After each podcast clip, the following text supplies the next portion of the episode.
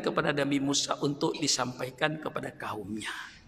Sekarang kita mencari itu, mungkin sampai di pojok bumi pun tidak akan ketemu. Kita percaya kepada kitab Zabur. Kitab Zabur itu wahyu Allah, firman Allah diberikan kepada Nabi Daud. Dan tidak ada perkataan Nabi Daud dalam kitab itu murni hanya firman Allah. Itu kitab Zabur. Kita cari sekarang barangkali yang asli di ujung bumi pun sudah nggak ketemu. Allah turunkan lagi wahyunya, firmannya kepada Nabi Isa. Itu yang disebut kitab Injil firman-firman Allah saja. Yang diberikan oleh Allah kepada Nabi Isa. Untuk disampaikan kepada umatnya.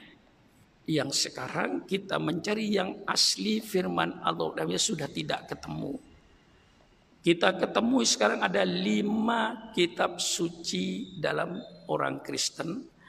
Empat yang diakui oleh gereja namanya Injil Matius yang ditulis oleh orang yang bernama Matius, Injil Lukas yang ditulis oleh orang yang bernama Lukas, Injil Yahya yang ditulis oleh orang bernama Yahya, Injil Markus yang ditulis oleh orang yang bernama Markus.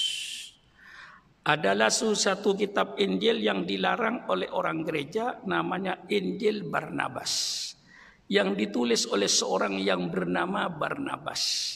Mengapa Injil ini dilarang? Karena isinya mirip dengan kitab suci Al-Quran. Dalam soal Nabi Isa alaihi salam. Nah, inilah kitab-kitab suci. Kitab suci Al-Quran, firman Allah murni. Tidak ada campur perkataan manusia siapa pun saja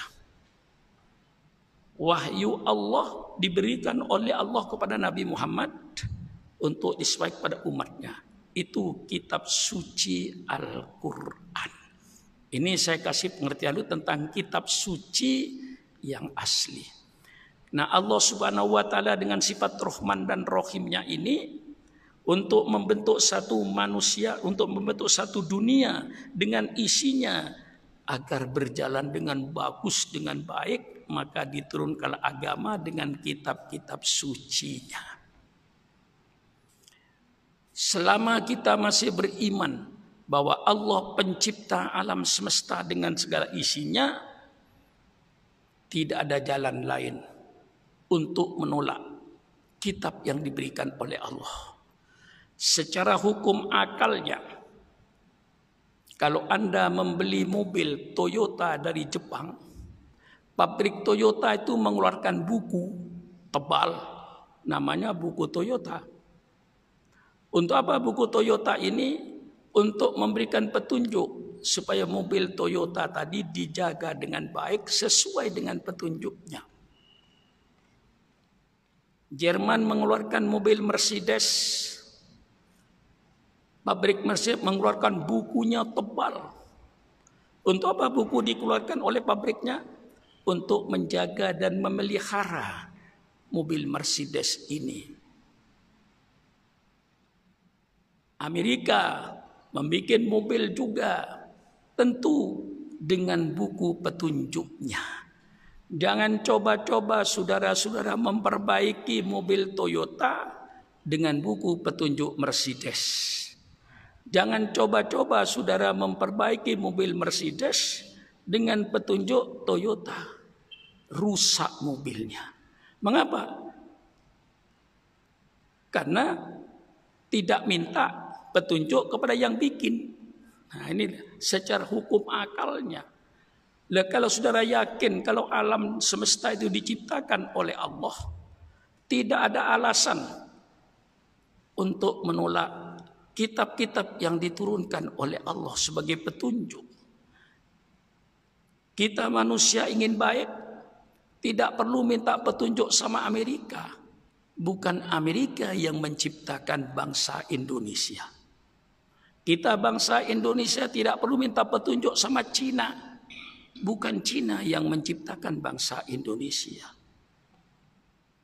Orang Indonesia tidak perlu minta petunjuk dalam mengatur negara kepada Rusia.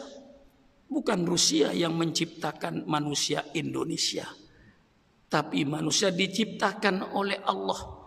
Kalau ingin beres seluruhnya kembalilah kepada kitab petunjuk yang dikeluarkan oleh penciptanya, oleh yang bikin. Maka Allah dalam menurunkan syariat ini tidak diturunkan sekaligus. Oleh Allah syariat itu dicicil. Sedikit demi sedikit diturunkan oleh Allah. Diturunkan kepada Nabi Adam sedikit. Pada zaman Nabi Adam, syariat Allah belum sempurna seperti sekarang. Misalnya pada zaman Nabi Adam, undang-undang nyolong tidak ada. Mengapa tidak ada undang nyolong? Ya karena tidak ada orang nyolong untuk apa? Mengapa tidak ada orang nyolong? Tidak ada orang. Siapa yang mau nyolong? Zaman Nabi Adam undang-undang perkawinan tidak seperti sekarang kita kita punya sudah sempurna. Karena apa? Zaman Nabi Adam tidak ada orang kawin. Karena tidak ada orang. Sehingga Allah mempermudah syariatnya. Waktu itu kakak kandung kawin dengan adik kandung. Siapa yang mau jadi besan?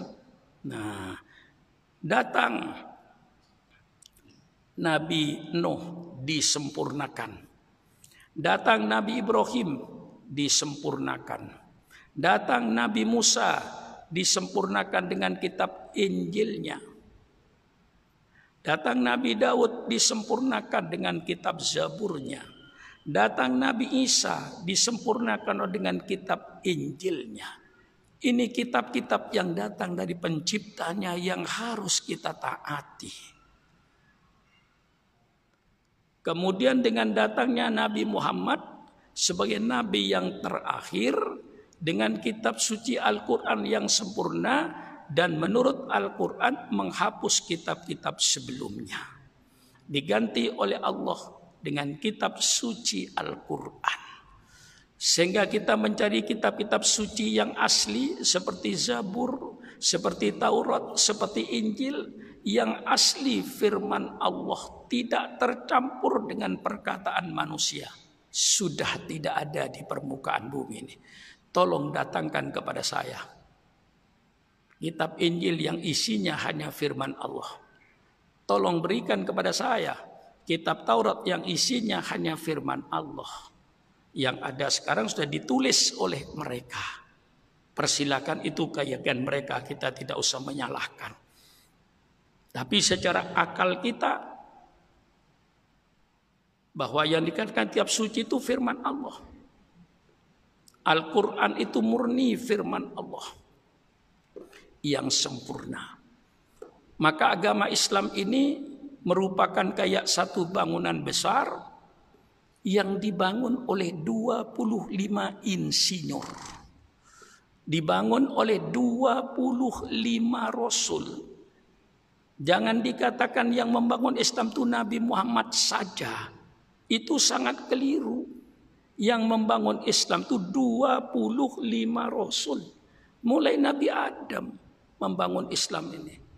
Dan nabi-nabi seterusnya. Nabi Ilyas, terus Nabi Nuh. Itu semua membangun Islam semua. Dengan satu fondasi yang sama. Fondasinya kokoh, kuat Fondasi apa? Fondasi tauhid. Jadi semua para nabi yang 25 rasul disebutkan di Quran itu dakwahnya satu. Nabi Adam mengajak umatnya beriman kepada Allah, sujud kepada Allah.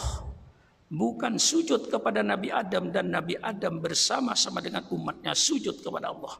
Demikian pula Nabi Nuh, demikian pula Nabi Ibrahim, Demikian pula Nabi Musa, demikian pula Nabi Isa di dalam Al-Quran.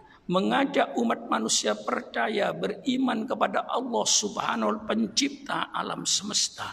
Sujud kepada Allah, bukan sujud kepada Nabi Isa dan Nabi Isa bersama-sama dengan umatnya sujud kepada Allah. Demikian pula Nabi Muhammad SAW dakwanya satu, fondasi agama tauhid Nabi Muhammad mengajak umatnya beriman kepada Allah Subhanahu wa taala pencipta alam semesta, sujud kepada Allah, bukan sujud kepada Nabi Muhammad. Dan Nabi Muhammad bersama-sama dengan umat sujud kepada Allah. Maka dengan kitab suci Al-Qur'an ini sempurna. Al-Quran berbicara segala aspek kehidupan manusia. Maka di dalam kitab Sohihu Muslim, dalam bab Muhammad Khatamun Nabiyin, Rasulullah Sallallahu Alaihi Wasallam bersabda, "Matali wa mathalul anbiya min qabli kamathali man bana baitan wa ana akhiru man wada'a labina." Perumpamaan saya dan nabi-nabi sebelum saya itu cuma ibaratkan seorang yang membangun sebuah rumah. Sayalah datang yang terakhir. Menyelesaikan, meletakkan batu terakhir. Pertanda pembangunan agama lo selesai. Dengan datangnya Nabi Muhammad ini pembangunan agama Allah yang disebut Islam selesai. Karena selesai itulah Allah memproklamirkan kepada seluruh umat manusia Al-yawma akmaltu lakum dinakum wa atmamtu alaikum nikmati wa raditu lakumul Islam madina. Hari ini telah saya sempurnakan agamamu untukmu dan telah saya sempurnakan rahmat nikmatku untukmu. Al-Quran 30 juz sudah turun semua. Nabi Muhammad untuk menjelaskan Al-Quran sudah diutus oleh Allah subhanahu wa ta'ala. Sempurna, lengkaplah dunia ini. Ciptaan Allah dengan segala isinya dan Allah keluarkan kitab petunjuknya yang namanya kitab suci Al-Quran. Maka untuk memperbaiki manusia atau untuk beri alam seutuhnya ini tidak ada jalan lain kecuali kita minta petunjuk kepada yang menciptakan. Sebagaimana kita mau memperbaiki mobil Toyota, kita minta petunjuk sama pabrik Toyota. Jangan minta petunjuk sama Mercedes. Kita mau memperbaiki mesin Mercedes, kita minta petunjuk kepada pabrik yang bikin Mercedes dan setiap pabrik sudah mengeluarkan buku petunjuknya masing-masing. Ini tamsil yang saya berikan secara rasio masuk di akal kita. Jadi Quran ini gunanya manusia. Maka Al-Quran namanya banyak. Ya.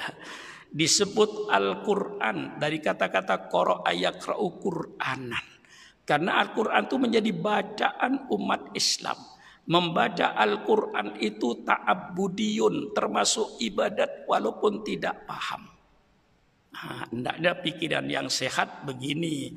Kalau baca Quran tidak paham saja dapat pahala, Bagaimana pahalanya orang yang baca Quran dan paham.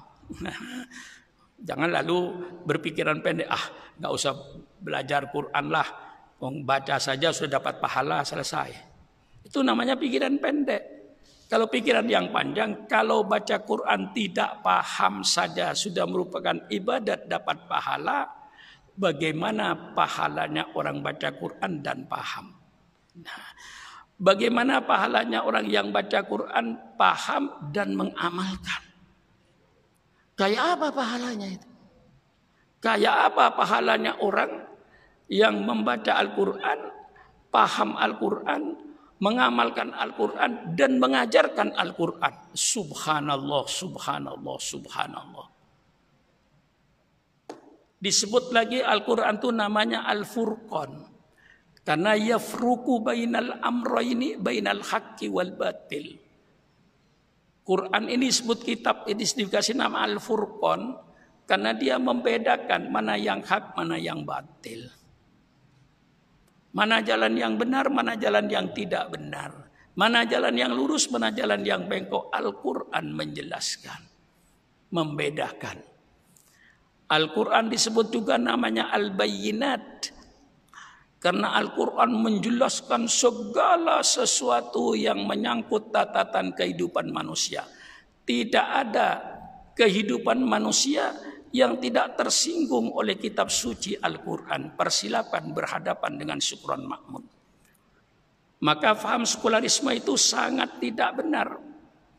Kalau agama itu dipisahkan dengan kehidupan manusia sehari-hari, bahwa agama tidak mengatur kehidupan manusia sehari-hari, agama hanya mengatur ibadat dan hubungan dengan Allah, itu menunjukkan kebodohan dia terhadap ajaran Islam itu sendiri. Sekularisme itu dilahirkan oleh kaum gereja di Eropa yang membawa ajaran sekularisme bahwa agama tidak mengatur kehidupan manusia sehari-hari, kehidupan manusia sehari diatur oleh manusia sendiri. Subhanallah, subhanallah, subhanallah. Alangkah bodohnya manusia itu terhadap Islam. Nama Al-Quran disebut juga nama Al-Haq yang benar. Al-Quran dikasih nama pula Al-Kitab. Dalikal kitabul raib dengan bermacam-macam nama Al-Quran menunjukkan makna daripada Al-Quran itu sendiri. Al-Quran berbicara segala tatanan kehidupan. Mulai dari rumah tangga, kawin, perkawinan, itu diatur oleh Islam. Rumah tangga diatur oleh Islam. Intinya apa kata kuncinya? Mengapa Islam berbicara segala kehidupan manusia kata kuncinya innama bu'itu liutammima makarimal akhlak. Bicara soal keluarga. Keluarga itu ada suami, ada istri, ada anak. Supaya anggota keluarga itu berakhlak Al-Quran. Maka Al-Quran bicara soal keluarga. Al-Quran bicara soal bermasyarakat. Bagaimana kita berbangsa, bermasyarakat. Al-Quran mengatur Maka yu'minu billahi wal yaumil alfal yukrim jarahu.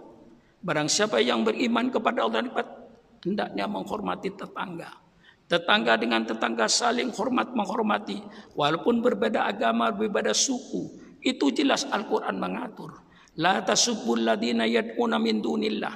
Hai orang-orang yang beriman kau jangan menghina, jangan mencela orang-orang yang menyembah kepada selain Allah. Subhanallah. Hidup rukun dan damai. Apa intinya mengapa Islam berbicara soal bermasyarakat? Intinya innama bu itu li utammima makarimal akhlak. Supaya masyarakat tetangga dengan tetangga, pimpinannya RT RW lurah dengan masyarakatnya, semuanya berakhlakul karimah, berakhlak Al-Qur'an.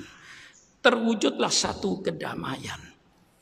Mengapa Islam berbicara soal ekonomi? soal jual beli, berbicara soal koperasi, berbicara soal penanaman modal yang disebut dalam kitab Fathul Qorifat Babul Qorot. Ada yang membaca Babul Kirot. Bagaimana terpemindahan utang yang disebut Babul Hawalah.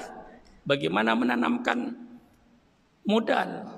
Bagaimana memesan barang. Semuanya terjadi. Pemesanan barang itu dibicarakan. Semua yang berkaitan dengan ekonomi dan sekarang sudah jelas dalam dunia modern yang begitu hebat Islam menampakkan bahwa Islam bukan sekularisme. Contohnya sekarang berdiri bank-bank Islam bahwa Islam mampu mengatur perekonomian dengan sistem perbankan tapi tanpa bunga. Dengan sistem bagi hasil berat sama dipikul, ringan sama dijinjing. La dororo wala diroro. Jangan merugi, jangan rugi dan jangan merugikan. Ini sistem yang diambil dalam ekonomi Islam. Sehingga pedagang-pedagang di pasar, industri-industri yang bergerak di bidang pabrik, majikan dengan buruhnya. Semuanya pelaku-pelaku ekonomi berakhlakul karimah, berakhlak sebagaimana Al-Quran membentangkan. Alangkah indahnya dunia ini. Ini kata kunci mengapa Islam bicara segala kehidupan. Islam bicara soal politik.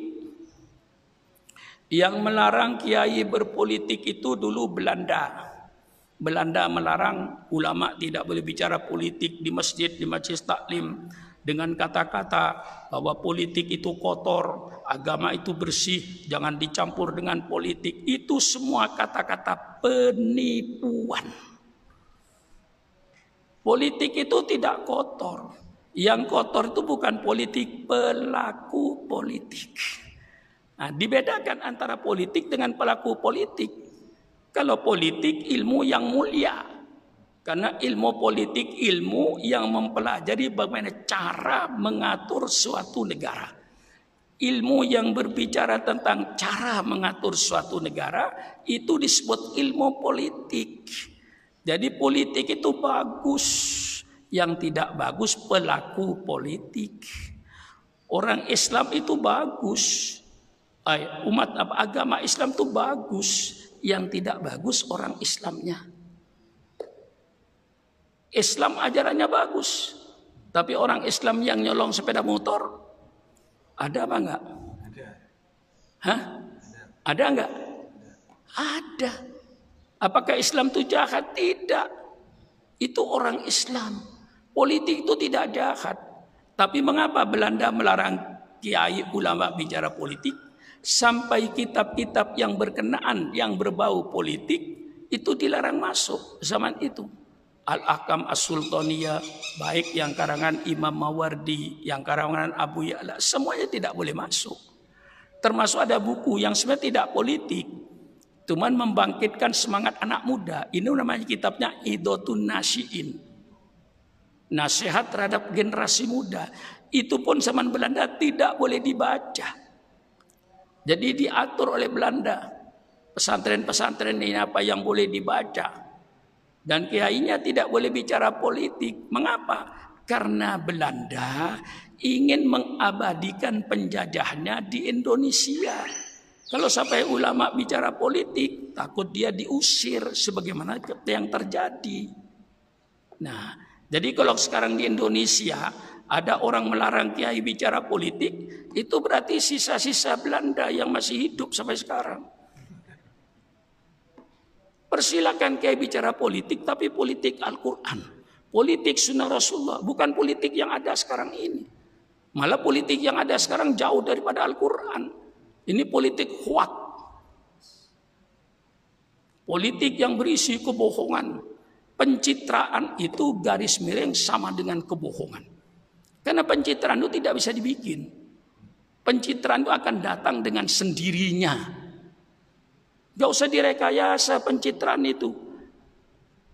Merekayasa pencitraan sama dengan membohongi rakyatnya. Kalau dia berbuat dengan baik, mengabdi kepada rakyatnya, pencitraan akan dengan yang sendirinya. Lihatlah seperti Imam Ghazali, Imam Syafi'i, ulama-ulama kita. Tidak ada yang mereka pencitraan itu. Hadrat Syekh Hashim Ash'ari tidak pernah merekayasa pencitraan. Dia beramal berbuat datanglah pencitraannya. Lah ini Islam berbicara. Mengapa Islam berbicara politik? Jawabannya satu. Kata kuncinya innama itu liutamima makarimal akhlak. Mengapa Islam bicara politik? Supaya pelaku-pelaku politik dari bupatinya, gubernurnya, presidennya, anggota DPR-nya, menterinya berakhlakul karimah tidak berbuat dolim kepada rakyatnya. Pelaku-pelaku politik menegakkan kebenaran. Pelaku politik menegakkan keadilan. Pelaku-pelaku politik meletakkan kejujuran. Menjadi uswatun hasanah. Pelaku politik menjadi uswatun hasanah. Dalam kejujurannya.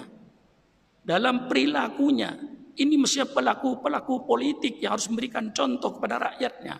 Kalau pelaku-pelaku politik memberikan contoh yang baik, insya Allah rakyatnya akan baik.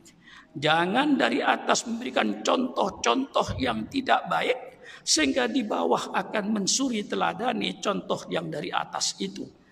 Maka perbaiki dari atas yang dari atas jadi contoh, ulamanya jadi contoh, ustadznya jadi contoh, kiai-kiainya jadi contoh, pejabat pemerintahnya sebagai pengayom rakyat menjadi contoh. Inilah intinya Islam berbicara dalam segala tatangan kehidupan manusia.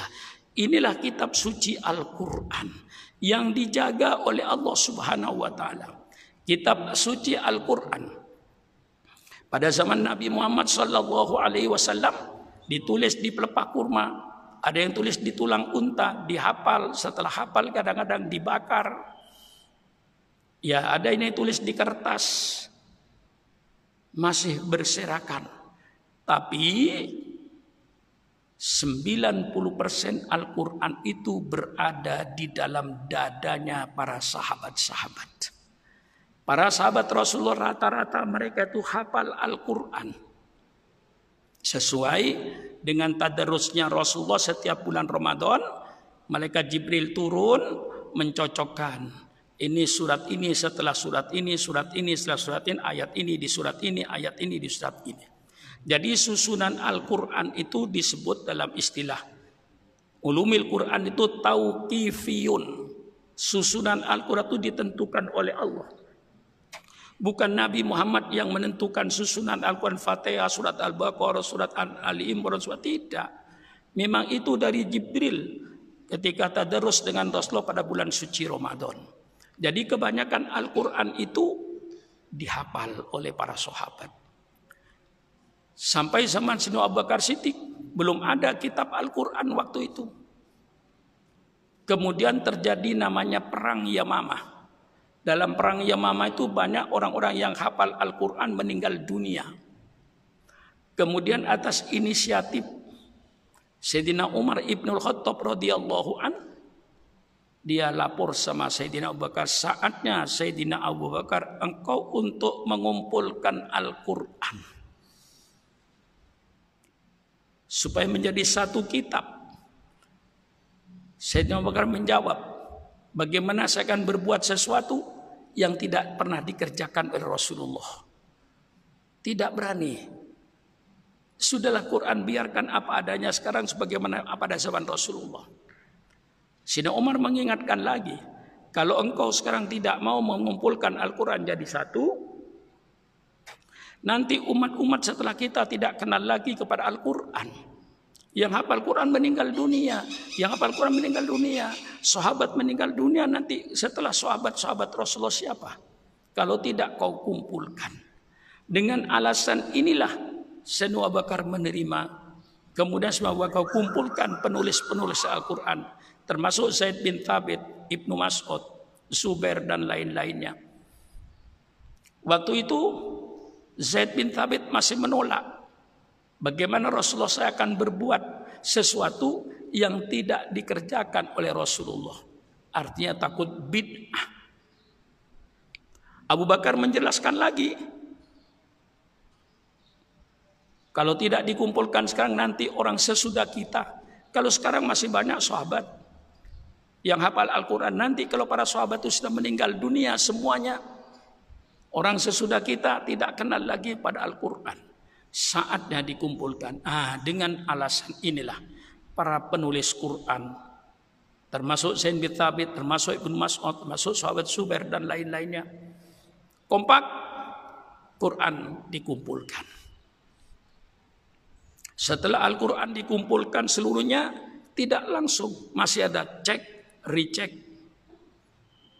Dikumpulkan oleh Abu Bakar semuanya sahabat yang hafal Quran dibacakan Al-Quran. Masih ada enggak hafalan Anda yang belum masuk dalam Al-Quran ini? Apa masih ada ayat yang belum masuk dalam Al-Quran di surat apa hafalan Anda? Setelah mereka mengajar surat ini, surat ini, ayat ini, ayat ini, setelah seluruh sahabat itu, seluruh sahabat sudah sepakat tidak ada satu ayat yang ketinggalan. Maka terkumpullah Al-Quran ini pada zaman Sayyidina Abu Bakar Siddiq radhiyallahu an.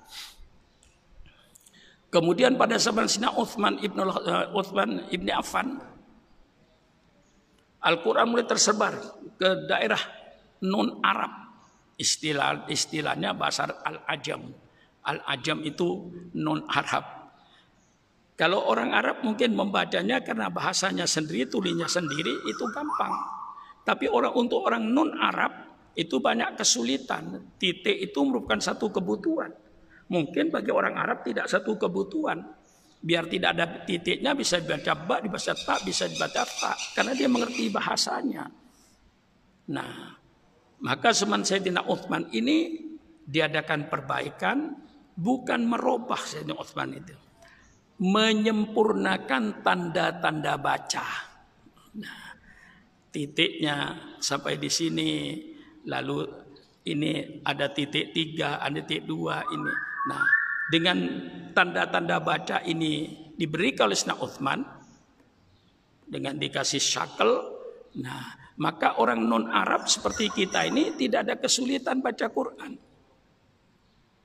Nah, kalau mereka punya kesulitan, yang non Arab, yang non Arab punya kesulitan, orang Arab tidak punya kesulitan. Nah, di situlah disebut mushaf Uthmani. Nah, oleh orang orientalis barat ini digoreng. Quran yang ada sekarang bukan Quran yang asli. Itu Quran karangan Uthman ibni Affan. Ala versinya Uthman ibni Affan. Nah ini kalau ini dijelaskan kepada orang-orang bukan pesantren, mungkin ngangguk. Wah bener ini. Bahwa Quran ini sudah nggak asli. Namanya sudah dikatakan Musab Uthmani. Jadi bukan Musab, bukan Musab Rasuli, tapi sudah, Musab Uthmani. Nah, padahal itu sejak Uthman cuman tidak merubah surat letaknya, tidak merubah ayat, hanya melengkapi tanda baca untuk orang-orang non Arab. Itulah kitab suci Al-Quran. Nah, maka kalau orang Syiah dalam kitabnya mengatakan, manidda'a annahu Qad jama'al Qur'an kama unzila illa kadzab. Kata mereka itu. Wa manidda'a annahu qad jama'al Qur'an kama unzila illa kadzab. Barang siapa yang mengaku telah mengumpulkan Al-Qur'an sebagaimana diturunkan oleh Allah itu hanya pembohong. Itu dalam kitabnya Syiah yang saya baca. Manidda'a annahu qad jama'al Qur'an kama unzila illa kadzab wa ma jama'ahu wa ma hafidahu illa Ali bin Abi Thalib. Tidak ada yang mengumpulkan Al-Qur'an dan tidak ada yang menghafal Al-Qur'an kecuali satu manusia. Sayyidina Ali kata dia. Subhanallah. Ini barang yang bertentangan dengan kenyataan. Maka ketika saya berbicara dengan salah satu tokoh daripada Syiah itu, saya katakan tolong perlihatkan kepada saya mana Quran yang disusun oleh Sayyidina Ali berikan kepada saya saya baca. Kalau seandainya kitab Quran Sayyidina Ali lebih mantap, lebih tepat, mungkin kitab yang ada di sisi saya saya bakar kata saya. Ekstrimnya. Pada dalam hati tidak. Ini yang benar Quran yang ada ini. Apa jawaban dia kepada saya? Maaf Pak Kiai, Quran yang asli yang disusun oleh Sayyidina Ali ini dibawa oleh Imam Mahdi Al-Muntadur ke tempat persembunyiannya.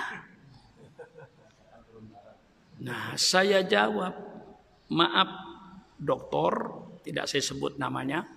Maaf doktor, kalau apa yang dikatakan doktor itu benar, Berarti Imam Mahdi itu seorang penjahat.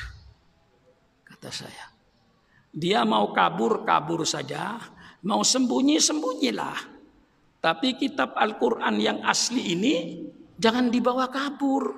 Sekarang berapa miliar umat Islam di dunia ini membaca Quran palsu. Gara-gara yang asli dibawa kabur.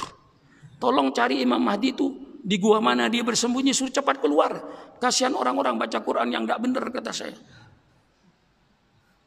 Dia katakan nanti di akhir zaman Imam Mahdi ini akan datang dan akan membawa kitab Quran yang asli. Maaf dokter kata saya, nggak ada gunanya. Saya dengan siapa sudah mati kok. Yang perlu Quran yang benar tuh kita sekarang ini. Kalau nanti di akhir zaman dia datang, bahwa Quran yang benar, kita semua sudah mati dan kita sudah ribuan tahun membaca Quran salah.